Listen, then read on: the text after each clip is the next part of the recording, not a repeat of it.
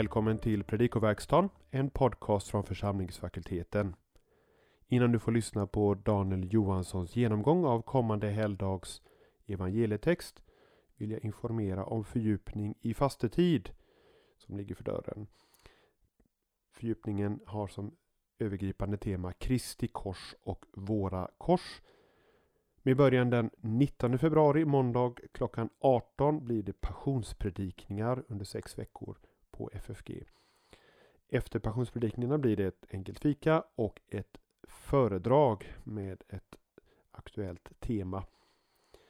Vid tre utav tillfällena under de här sex veckorna blir det en internationell gästföreläsare från Norge i det här fallet. Sverre Bö, Jan Bygstad och Knut Alfsvåg gästföreläser.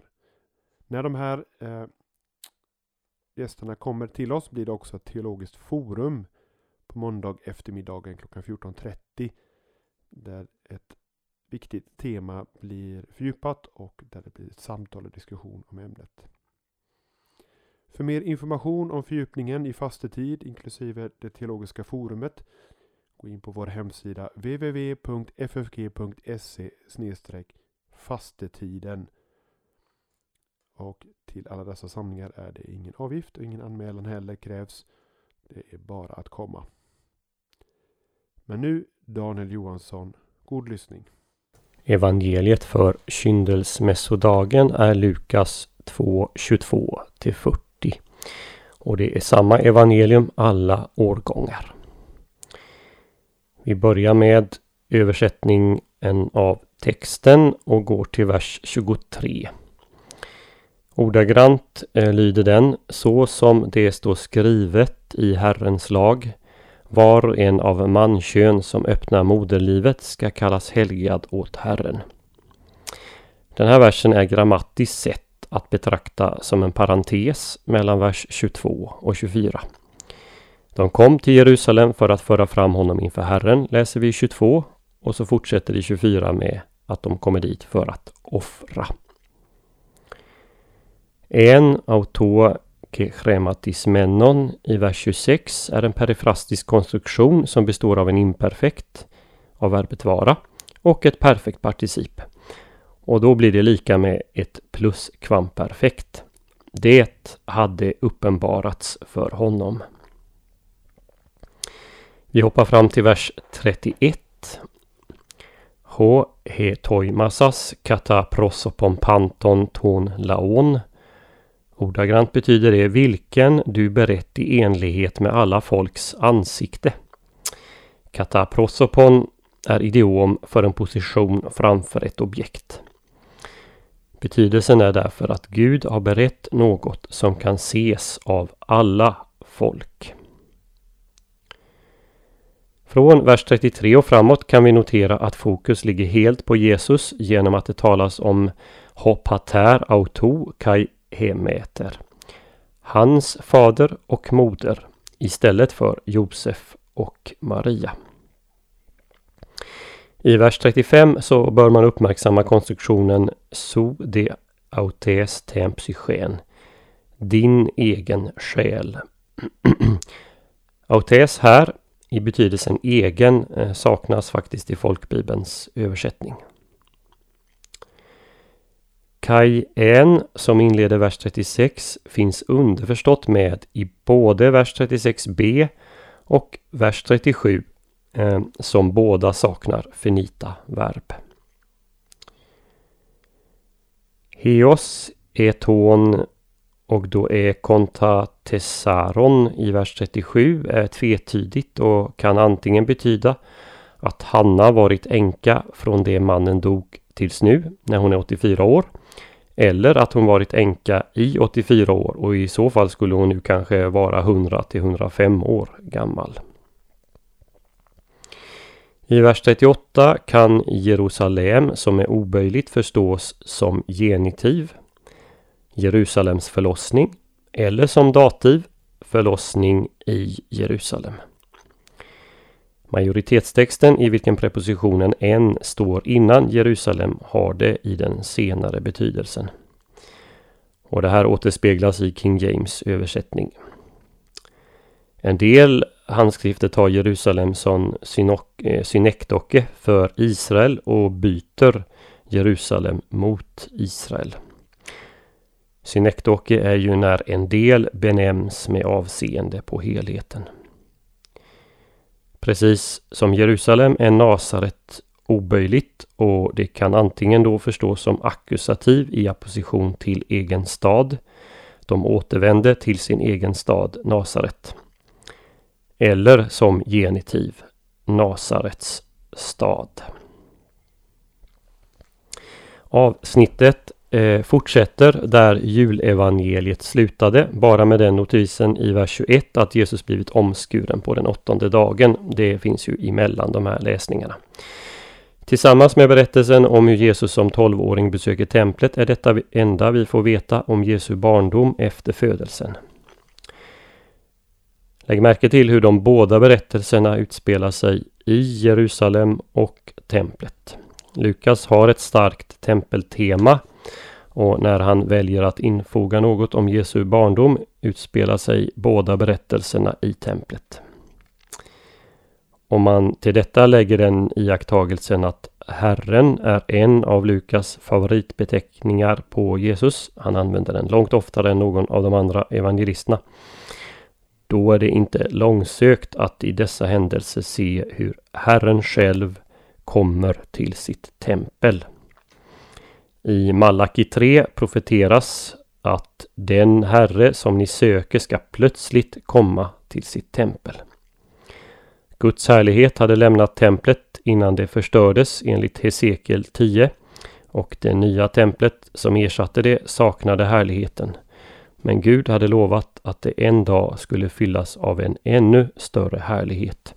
Eh, det kan man läsa om i Haggai 2, 1-9 och Sakarja kapitel 8 och kapitel 9. Och nu finns härligheten i templet. Simeon säger att hans ögon nu skådat doxan, härligheten för Israels folk. Han håller den själv i sina armar. Vi kan dela in läsningen avsnittet i fyra delar. Först i verserna 22 till 24 så har vi en inledning eh, som tar upp renhetslagarna från Gamla Testamentet. Den andra delen, den största delen, 25 till 35, handlar om Simeons vittnesbörd. Verserna 36 till 38 om Hannas vittnesbörd och till slut avslutningen 39 till 40 om Jesu uppväxt i Nasaret i Galileen. Notera därutöver att inledningen, verserna 22 till 24, har ett kiastiskt mönster. Den inleds och avslutas med Marias rening och däremellan i vers 22b och 23 så talas om frambärandet av Jesus. Det är alltså frågan om två ceremonier som sammansmält i en. Dels moderns rening 40 dagar efter födelsen. Dels den förstföddes frambärande till Gud. Modern till ett gossebarn var enligt lagen oren i sju dagar efter födelsen och sedan instängd i 33 dagar innan hon skulle fram, eh, framträda i templet och offra ett lamm och en turturduva. Det kan man läsa om i Levitikus 12, 2-4 och vers 6. Hade hon inte råd att offra ett lamm skulle två turturduvor eller två unga duvor offras. Vers 24 låter oss veta att Maria och Josef tillhörde dem som inte hade råd med ett lamm. Det betyder inte nödvändigtvis att Josef och Maria var särskilt fattiga.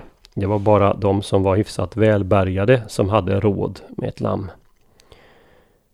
Frambärandet av Jesus i templet har sin bakgrund i Andra Mosebok 13, vers 2. Enligt vilken allt som öppnar moderlivet skulle helgas åt Herren. I vilken utsträckning Jesus faktiskt tillhörde Israels Gud, det tycks föräldrarna inte vara helt klara över. Vilket inte minst framgår av berättelsen om den tolvårige Jesus i templet som följer efter den här kyndelsmässodagens evangelieläsning. Simeon beskrivs eh, som de andra gammaltestamentliga gestalterna i födelseberättelserna här i kapitel 1 och 2. Eh, likt Sakarias, Elisabet, Josef och senare Josef av Arimatea så beskrivs han som rättfärdig. Han är både fylld och ledd av anden. Inte mindre än tre gånger understryks detta i vår text. Man talar ofta om Simeon som en gammal man men texten avslöjar inte hans ålder. Det står bara att han har blivit lovad att se Herrens mode innan han skulle dö. Men det säger ingenting om hans ålder. Han kan ju lika gärna vara ung och löftet blivit uppfyllt ganska snart efter att han har fått det. Simeons lovsång är likt de tidigare i kapitel 1 gammaltestamentliga till sin karaktär men innehållsmässigt fyllda av nytestamentliga teman. När Simeon säger att hans ögon sett frälsningen öppnas dörren till ett tema som återkommer i Lukas. De här ställena listar jag i handouten till den här söndagen i, eh, under predikoverkstan på församlingsfakultetens hemsida. Noteras nu ska att ett stort inklusio bildas med Lukas 24.31 där Emmauslärjungarnas ögon öppnas till att se den uppståndne.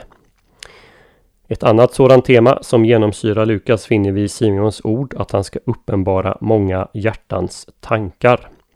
Även här finner vi hur orden uppfylls när den uppståndne uppenbara de tvivlande tankar lärjungarna har i Lukas 24 38. Simeons ord till Maria om svärdet som ska gå igenom själen har tolkats på åtminstone tre olika sätt. En tolkning betonar Marias sorg när hon står vid sin sons kors. En andra tolkning tar svärdet i meningen att hon i likhet med de andra lärjungarna kommer att missförstå sin sons uppdrag på jorden. En eh, tredje tolkning tar fasta på närkontexten och söker att förstå orden i samklang med att han ska uppenbara människors tankar. Enligt denna tolkning representerar Maria Israels folk, svärdet i Jesu förkunnelse och reaktionen på denna leder till att människors innersta tankar blir uppenbarade. Allra sist ska vi notera vad Simeon och Hanna väntade på. Enligt vers 25 väntade Simeon på Israels paraklesis, tröst. Vad gäller Hanna och det hon talade med så väntade de på lytrosis, återlösning enligt vers 38. Både trösten och återlösningen är grundade i Gamla Testamentet. För det förra kan man se till exempel Jesaja 40 vers 1 och för det senare Jesaja 40 vers 9 och 52 9. Båda avser en förväntan på ett nytt exodus för Guds folk.